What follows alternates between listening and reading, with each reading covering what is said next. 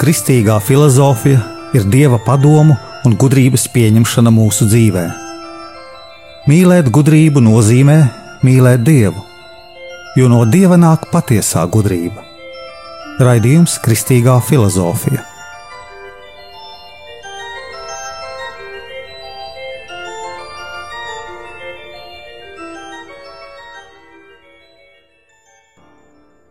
Es esmu Jānis Valtra Vitsenheims un ar jums ir 15. raidījums Kristīgajā filozofijā. Pasaules kārtotājs ir bezgalīgā esme, jeb pilnība, jeb dievs.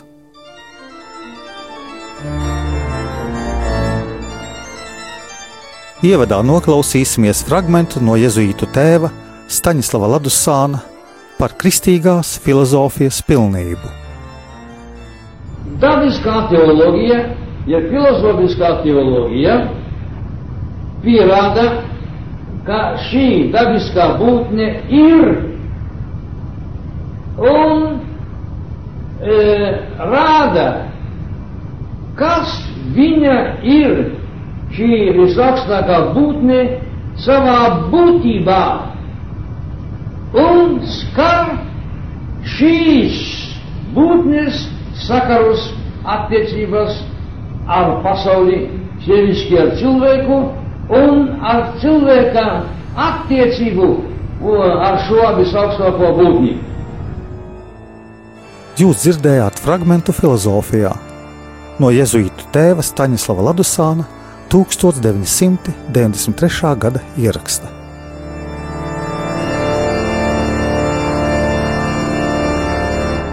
Cik gan vispār svarīga ir šī materiālā pasaule kurā mēs dzīvojam un eksistējam.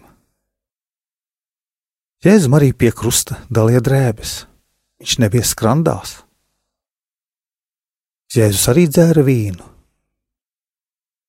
Kā mums atrast šo šauro ceļu pie dieva? Labi, kam ir garīgie tēvi, kas viņus vada. Apskatīsim situāciju, kad piemēram mums saslimst vecāki. Rodas apstākļi, kuros mūs noliek Dievs. Rūkas, rūpes par vecākiem izmaina gan vecāku dvēseles, gan mūsu pašu dvēseles. Protams, izmaina arī mūsu attiecības ar darbu, draugiem un citiem ģimenes locekļiem.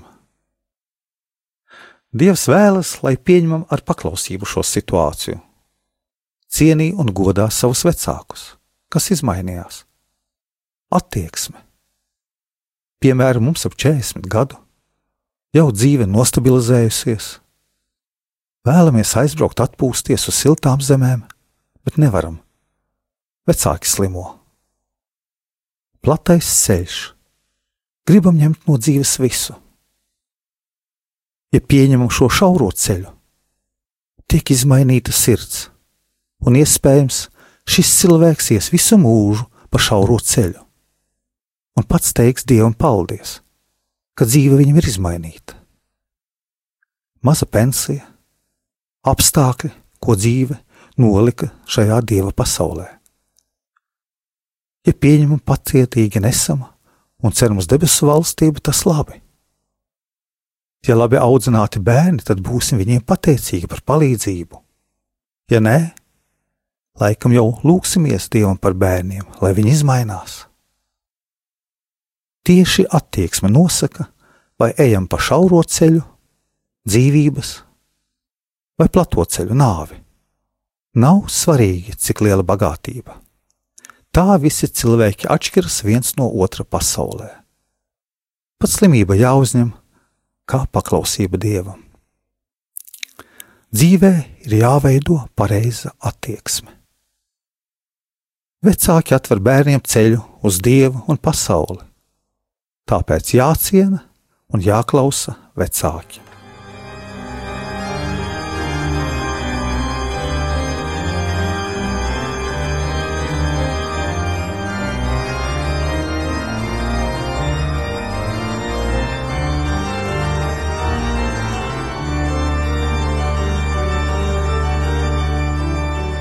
Cilvēkam ir redzes, dzirde lai viņš ar šīm pazīšanas spējām redzētu un dzirdētu.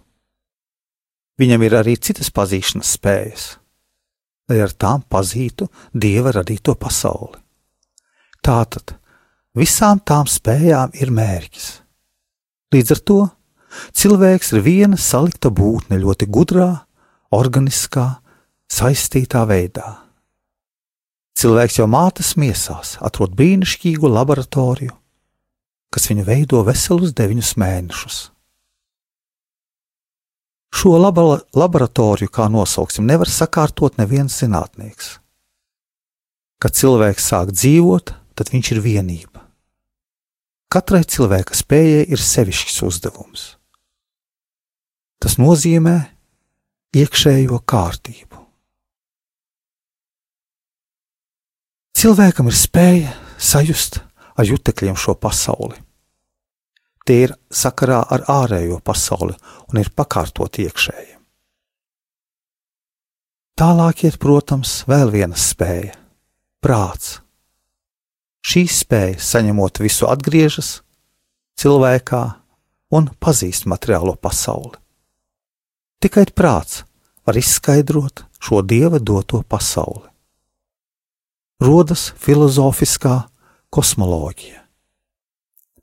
Prāts pazīst arī cilvēku, un savā pazīšanas spējā iet tālāk. Tā kārtība cilvēkā ir tik brīnišķīga un unikāla, ka ir iespējama tikai tad, ja ir prāts, kas to ir sakārtojis. Arī pasaules universā ārpus dzīvajām būtnēm ir kārtība. Zeme, kas ir iekļauta lielo debesu ķermeņu sistēmā, zvaigznes, un kustībās netiek satricināts nekas. Virs zemes varam runāt par citu kārtību, proti, universā ārpusē ir lieli minerāli, arī virs zemes ir lieli minerāli, un tie tiek labi sakārtoti, ka kalpo dzīvajām būtnēm augiem. Augi kalpo dzīvniekiem, un visi šie trīs minerāli, augi, dzīvnieki kalpo cilvēkam. Tāpēc ir kāds noteicējs, un tas ir visaugstākais prāts. Visas pasaules kārtotājs, jeb dievs. Tā kā kārtībā ir saplānošana, tad līdzekļi pakārtoti mērķim. Lielā kārtība ir saprātota, ar prātu salikta. Tāpēc prātošana, domāšana var būt tikai mūsos, var būt tikai mūsu prātā, un tā ir loģiska, prātīga prātošana. Tas lielais prāts ir pilnīgi, absolūti neatkarīgs no nekā. Viņš satur sevī un no sevis visu lietu kārtības idejas. Šis kārtotājs ir bezgalīgā esme, jeb pilnība.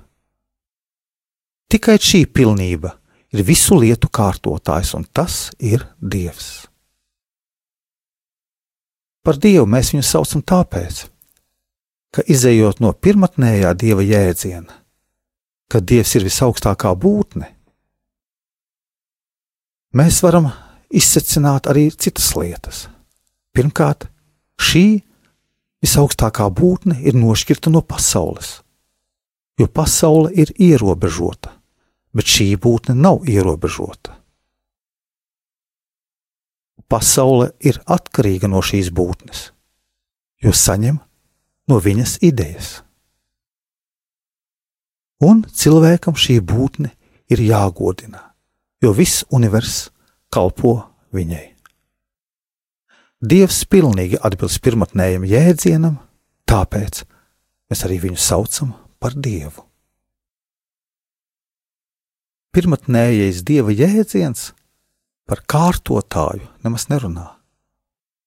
Tāpēc visaugstākais kārtotājs ir dievs, jo šis jēdziens pilnīgi atbilst visām tām prasībām. To pirmotnējais dieva jēdziens uzstāda, lai kāda būtne būtu dievs. Šis jēdziens arī atbilst svētiem rakstiem, kur pateikts, Dievs ir bezgalīga esme ir svarīga šī kārtotāja saistība, ar primitīvo dieva jēdzienu. Kārtība pasaulē mums pasaka, proklamē, ka visaugstākais kārtotājs ir radītājs. Tāpēc, ka kārtība, mērķtiecība, realitāte šīs pasaules lietās ir tik dziļa, ka to nav iespējams panākt citādi, kā vienīgi radot lietas absolūti no kā. Kārtība mums pierāda visaugstākā kārtotāja esmi.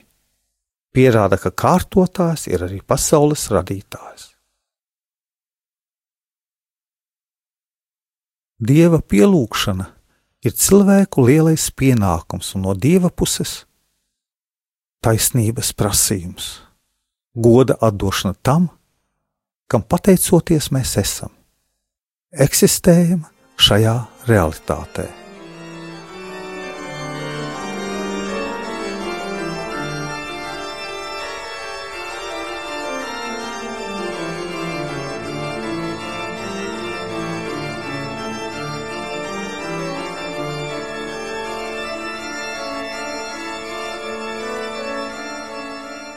Mēs droši varam teikt, ka pasaulē eksistē dabiskās būtnes, kas darbojas mērķtiecīgi, kas atklāja pasaules lietu kārtību.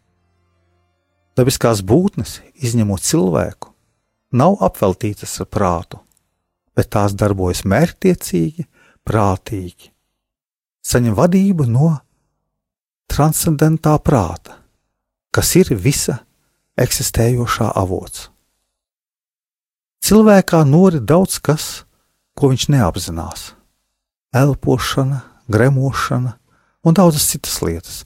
Cilvēks intelektuāli vada tikai dažas lietas, bet tas prāts, kas vada dabiskās lietas, ir nošķirts no pasaules. Tā ir bezgalīgi pilnīgā esme, Dievs, absolūti neatkarīgs un satur sevī pasaules ideju kārtību. Visaugstākais kārtotājs ir Dievs radītājs.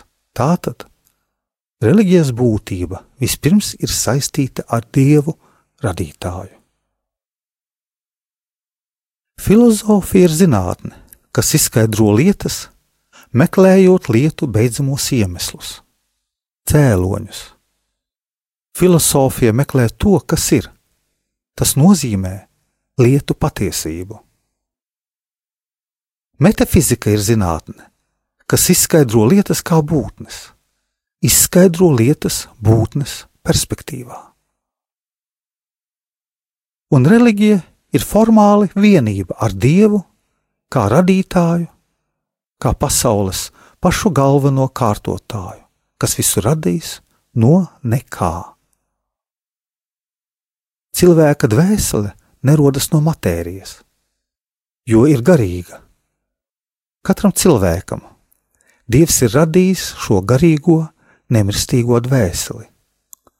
Līdz ar to devis attiecīgo esmi saskaņā ar šo dvēseli. Un tādēļ katrs indivīds ir persona. Viņš ir ielikts universā un cilvēku sabiedrībā. Viņš dzimst un tiek uzņemts šajā pasaulē ar lielu mīlestību, jo visa pasaule ir piepildīta ar to. Redzot to, cilvēks metafiziskā veidā atrod, ka Dievs ir radījis pasauli. Un cilvēkā rodas pateicība par šo brīnišķīgo, skaisto pasauli, kas mums ir apkārt.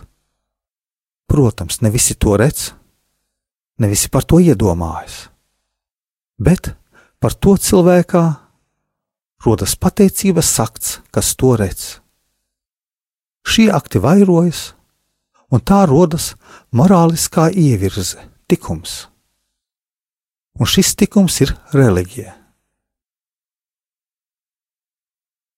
Rodoties reliģijai, cilvēks atdod dievam godu, godina dievu. Ko nozīmē morāliskais tikums? Tas nozīmē mūsu pienākumu. Bet no dieva puses - taisnības prasību. kas nav reliģios, tas nav taisnīgs. Vai dieva mīlestība un reliģija ir tas pats? Nē, nav. Dieva mīlestība skar dievu tieši. Reliģijas tikums, jeb mūsu morāliskais tikums, neskar dievu tieši, bet skar tikai godu. Ko nozīmē gods? Gods nozīmē pilnības pazīšana, to slavējot. Mēs pazīstam Dieva pilnību un to slavējam par šo lielo veikumu uz šīs pasaules, šī universā, ja mēs par to domājam un to saprotam. Ja pazīstam Dieva pilnību, tad mēs to slavējam, tad pazīstam arī bezgalīgo pilnību. Ja gods ir pazīšanas pilnība, vai pilnības pazīšana, tad gods, kas ir pazīstams Dieva bezgalīgo pilnību, piepildījis, ir arī bezgalīgs.